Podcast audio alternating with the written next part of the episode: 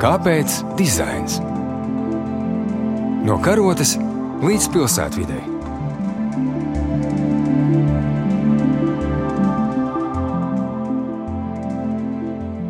Labdien, klausītāji! Klasikas studijā Ilza Martinsona, Latvijas arhitektūras muzeja vadītāja. Un mans sarunu biedrs šodien ir Jānis Lēnieks, žurnāla Latvijas arhitektūra galvenais redaktors, arhitektūras vēsturnieks, publicists un arī izstāžu kurators. Un mūsu sarunu iemesls šodien ir izstāde, pareizāk sakot, izstāžu cikla Rīga, kuras nav kartes un plāni. Noslēgums Latvijas arhitektūras muzejā. Tas ir liela darba cēliena, tāds pēdējais akords ir notikušas septiņas izstādes šajā ciklā. Nu, un var rasties jautājums, kāds dizaina studijai sakars ar pilsētu plānošanu. Šajā brīdī es vienmēr atceros dizaina pētnieku Jāni Borgu, kurš teica, ka viņa gājiens no rīta uz virtuvi ir dizaina process, tāpēc ka viņš to savā galvā iepriekš ir izplānojis. Un tāpēc mēs šodien gribam parunāt par dizaina procesu tādās lielākās kategorijās īstenībā ir tā, ka cilvēki jau primāri uztver arhitektūru kā atsevišķas ēkas un maz aizdomājās par to, ko nozīmē pilsēta plānošana. Mēs katrs gribam uzbūvēt savu ideālo mājokli, aizbraucot kaut kur ekskursijā uz citām valstīm. Mēs novērtējam atsevišķas ēkas, to skaistumu. Tāpat mākslas zinātnieki, es esmu beigusi pati mākslas vēstures nodaļu Mākslas akadēmijā. Mēs pievēršam uzmanību katras ēkas daļumam, proporcijām un, un kā tas ierakstās kopējā kontekstā, bet mēs nekad neaizdomājamies īsti par to, ka kāds iepriekš ir izdomājis, kā mums būs iet, kā mums būs dzīvot, un to dara pilsētu plānotāji. Organizē visu šo milzīgo skudru pūzni, un patiesībā tas ir daudz svarīgāk attiecībā uz mūsu dzīvesveidu nekā vienas konkrētas mājas ārējais veidols. Un kādreiz Jānis izstādes atklāšanā, kā humorā nosauc pilsētu plānotājs par skudru dresētājiem. Un īstenībā man ir aizdoms, ka nu, tiešām pilsētu plānotāji ir tādi pelēkie kardināli, kurus mēs nepamanām, bet pēc kuru noteiktajiem likumiem mēs visi dzīvojam. Jāni, cik manas aizdomas ir pamatotas? Nu, es domāju, ka tās idejas jau tādas ir, bet paliek jautājums, vai plānojot, tu vari paņemt uh, attiecīgos ieročus un arī tos plānus realizēt. Jo mūsu izstādēs parasti ir diezgan daudz plāni, projekti Rīgai, kur mēs skatāmies un brīnamies tajā vietā. Tur bija paredzēts tas, tur nekā tāda nav. Ja?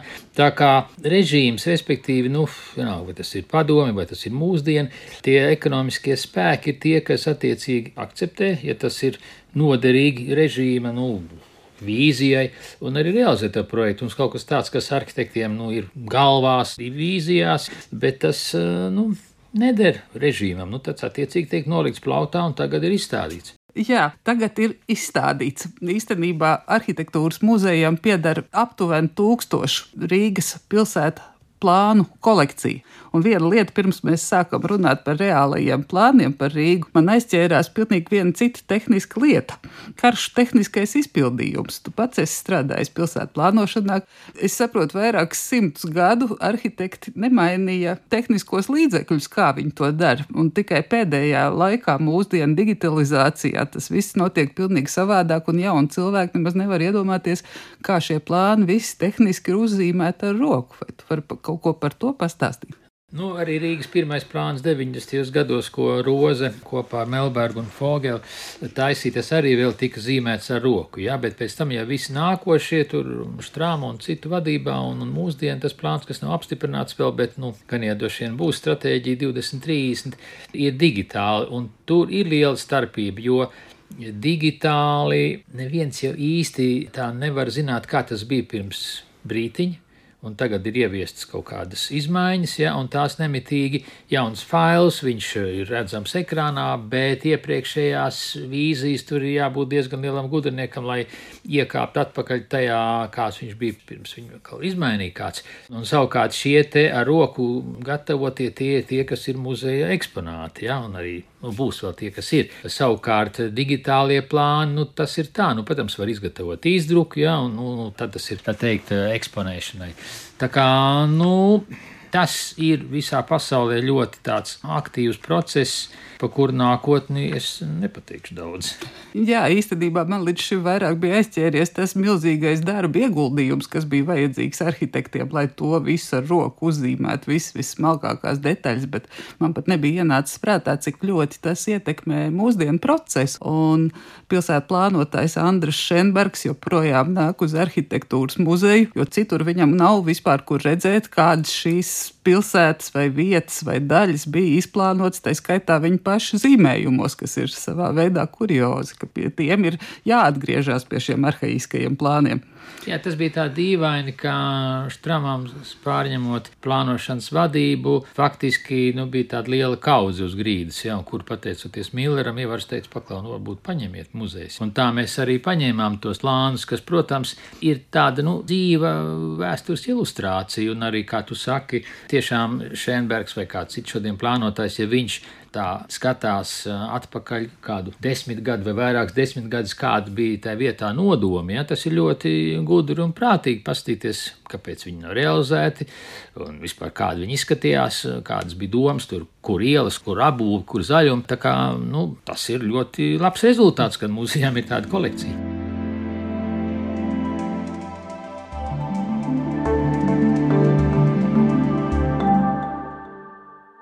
Mēs šodien lietojam to pilsētu, kāda ir radījusi vēsture un kādu to ir radījuši priekšteči. Viņi ir rēķinājušies uz sava laika, nu, netālas nākotnes, varbūt vajadzībām, kas šodien mums ir kļuvis nērti. Nu, ostas pievada ceļi ir kļuvuši pārāk šauri vai citas lietas. Bet man ļoti patīk, Jāni, ka tu kā šo izstāžu kurators esi runājis ne tikai vēsturiskā kontekstā, bet esi analizējis arī to, ko mēs lietojam šodien, šodienas kontekstā un skatā uz nākotni. Cik tālu pilsētu plānotājiem vispār vajadzētu būt pravietim, cik tālu ir iespējams paskatīties nākotnē ar tādu atvērtu skatu, cik tālu redzēt uz priekšu, kā pilsēta attīstīsies. Nu, faktiski jau pēdējās simtgadē tas ir pārsvarā tie 20 gadi. Nu, tas um, plāns tiek uzzīmēts, viņš tiek apstiprināts arī nu, šim brīžam. Nu, tagad es nezinu, būs, nebūs Rīga 20, 30, jo viņi jau apmēram 10 gadus plānoja līdz ar to. Nu, tad tie 20 bija, kad sāk plānot Rīgas attīstību. Visticamāk, ka tālāk, pavisam tālāk, atkal skatu uz priekšu, nu, tā ir tāda pārāk liela vīzija, nu, nav tādas ticības. Bet atkal no otras puses, protams, nu, tāpat koncerta zāle, ko mēs te meklējam, jau kurā desmitgadē vietu, šur un tur, un kur viņi būs, tad ies viņa galzina. Tagad es domāju, ka būtu īstā reize ir nojaukts uzvaras piemineklis, un uzvaras parkā ir, ir brīva vieta, kur faktiski ir viss vis attīstības iespējas, kur ir autostāvvietas, kur ir piebraukšana, kur ir sabiedriskais transports, kur ir ar kājām var aiziet līdz tuvākajiem centriem pārdogavā. Tā kā faktiski plāni vienmēr pastāv, un atkal viņiem ir tās dinamiskās izmaiņas, kuras ir pēkšņi hops, ir kaut kāds notikums noticis, un plānotāji, nu, faktiski viņiem vajag strādāt katru dienu. Jā, man ļoti patīk, ka tu pieminēji uzvaras parku kā šīs dienas aktualitāti, tāpēc, ka tās aktualitātes ik pa laikam mainās un atkal atjaunojās jaunas. Un, manuprāt, viena no interesantākajām šī cikla izstādēm, kur mums pavisam ir septiņas izstādes, bija Zilās Rīgas zaļie ķīļi, kas runāja par Rīgas parkiem.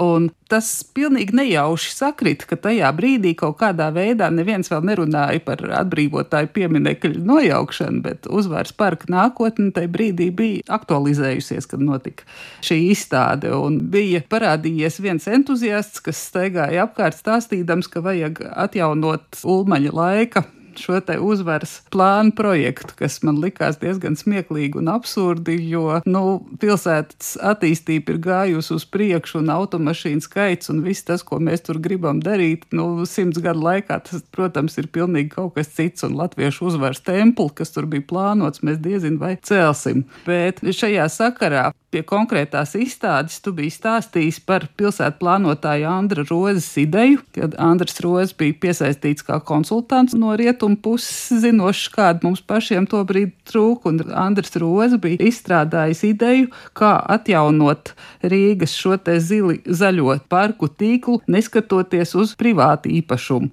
Tu jau stāstīji par to, ka pilsētu plānotājus ietekmē politika un esošā situācija, bet kāda vispār šodien pilsētu plānotājiem ir teikšana? Vai šāds Andra Rozes projekts vispār būtu dzīvotspējīgs? Nu, protams, ka tie paņēmieni, kas 90. gados it kā pārceļoja no 60., 70., 80., kad tajā pašā uzvaras parkā bija lielais ainaviskais parks un arī kultūras celtnes.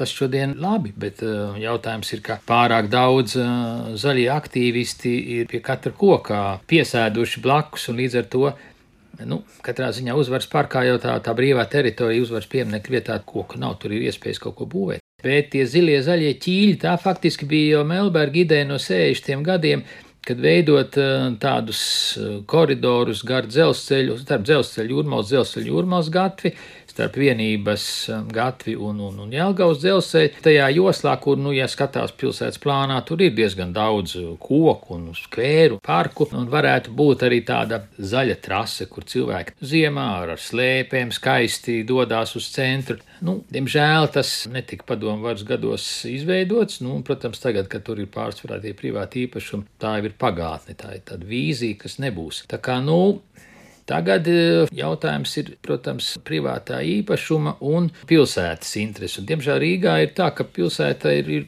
pārāk maz eh, zemes, nu tas tas pats koncertzāles vai mākslas muzeja jautājums, ka nu, viņam jābūt kaut kur centrā, bet faktiski nav zemes, līdz ar to vai nu Andrejs salā kaut ko meklē, bet tur ir tikai daži hektāri, ir jā, un tad jautājums atkal, kas ir Andrejs salas īpašnieks, vai ar viņiem var runāt, vai būvēt mākslas muzeja vai koncertzāle Andrejs salā ir labi, vai tas ir mērķtiecīgi.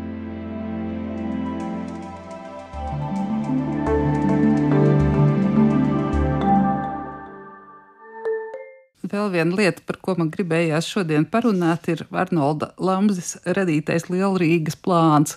Es domāju, ka ļoti maz radioklausītāji ir dzirdējuši par šīm starpkara laika idejām, jo mēs vienmēr skatāmies kaut kā uz to nesenāko pagātni, uz padomju laiku, kad tā laika pilsētu plānošana tiek asociēta ar tā laika politiku un viss tas ļaunums, kas tika nodarīts, un Rīgas izplešanās tika saistīta ar iebraukušajiem viesstrādniekiem strādniekiem no austrumu puses, bet patiesībā mēs ļoti maz zinām par tām grandiozajām idejām, kas bija pilsētu plānotājiem starpkara laikā, kas vienkārši atbild laikmetam, kas iezīmēja šo nākotni. Nu jā, Lamze, tas ir pirms kā Rīgas galvenais plānotājs Arnolds Lamze, viņš rēķināja, ka apmēram miljons dzīvos Pierīgā, kopā ar, ar Rīgu, tad pusotrs miljonus iedzīvotāji varētu dzīvot tajā lielrīgā, kas ietver, nu, teiksim, tā apmēram, ja mēs skatāmies no jūrmālas uz leju, caur babīti līdz mārupei, un tad no mārupas atkal caur ķekavu pāri krastam, un tad jau salas pils un arī vēl ogres daļa un līdz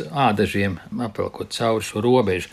Tas projekts tika izgatavots 20. gados, bet, diemžēl, viņš netika oficiāli apstiprināts, jo Ulmanim bija citi plāni. Pēc 34. gada Ulmans, kā mēs zinām, nodarbojās tikai Rīgas centra pārveidi ar uzvaras pārku un, un ar vecrīgas pārbūvu, un nebija vajadzība pilsētē pēc tādiem lieliem attīstības plāniem. Nu, padomu režīms, protams, arī ignorēja tos plānus, bet eh, pierīga attīstījās tādā veidā, ka tika kolhos dibināti, kolhos centri auga, nu, tur ādaži vai mārup, nu, ķekava, tagad tās ir pilsētas Rīgas tūmā, un līdz ar to Rīgas attīstība Rīga jau bezmaz konkurē.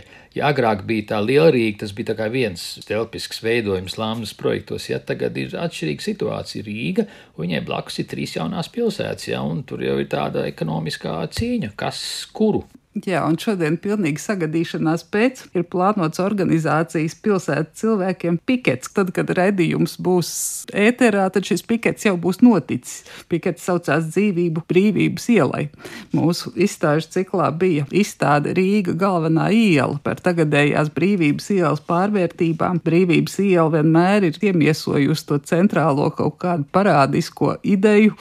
To jau var spriest pēc ielas nosaukuma maiņām vai ne Hitlera iela Leģina iela, ka tai ir jābūt tai galvenai Rīgas ielai. Bet, manuprāt, tiešām šī brīdī brīvības iela ir tādā drusku bēdīgā paskatā, jo es kā Rīgas centra iedzīvotājs ļoti bieži arī soļoju ar kājām un no gaisa tilta līdz Tallinas ielai tas gājiens ir nepatīkams. Modernismu idejas par transportu ir svinējušas uzvaru. Jāni, kā tu raugies uz šiem te mūsdienu projektiem ar visiem stabiņiem, staķīšiem, apzaļumošanu, ar kādā kādā veidā mēs gribam atgriezt cilvēkus Rīgas centrā un galvenajā ielā. Tad nelēma jau ir tā, ka faktiski, ja tur pilsētai gandrīz nekas nepieder izņemot šaurās ielas, ja, jo nu, ielas ir šauras. Un savulaik 60. gadu projekts arī, kas bija Melbergam, nu, centrālā daļā, nu, iela no centra līdz gaisa tiltam, nu, tur bija tādi skvēri, respektīvi nojaucot visu, ko kabūs 60. gados. Ne jau tajā vietā parādījās atkal jaunas piecstāvēks, nu, nebija projektēts, bija projektēts tādas kabatas, zaļas ielas paplašinājums, un optiski, nu, tas nenotika, ja tur sabūvēja šādas tādas mājas, un arī minēja no Tālinas ielas līdz gaisa tiltam, nu, tur jau faktiski jau nevar aiziet nekur, jo tur jau nav nekāda šķērsiela. Ja kādreiz varēja aiziet no brīvības ielas, no Leņķina ielas uz Daugavas sportam, tagad tas ir slēgts. Ja tev jāiet apkārt ar lieliem līkumiem, Leņķina ielā faktiski arī nu, nav hoku, ja brīvības ielā tāds feins tas posms ir tēkā, kur ir liepa ālēja, un respektīvi mēs varam teikt, ka nu, vienīgais gabaliņš, kur tu brauc pa brīvības ielu, tas ir tēki. Kad mēs iebraucam jūglā, un tur jau ir tā, nu, kaut kādas mājas ir, nav ālējas, ja. Tas, protams, ir tāds atkal kāds piedāvājums. Sabiedrība ir pār to, ka vajadzētu ielas profilu veidot um, tādu nu, kultūrālu, plašu, jauku, nu, lai Dievs palīdz. lai Dievs palīdz mums visiem. Bet mans pēdējais jautājums ir īstenībā zināmā mērā saistīts ar iepriekšējo. Pašreiz muzejā ir skatām izstāde pēdējā no Lielrīgas līdz Pierīgai, un izstādē tiek pieminēta ideja par Rīgas zaļās joslas projektu ko izstrādāja tā laika pilsētu plānotāji.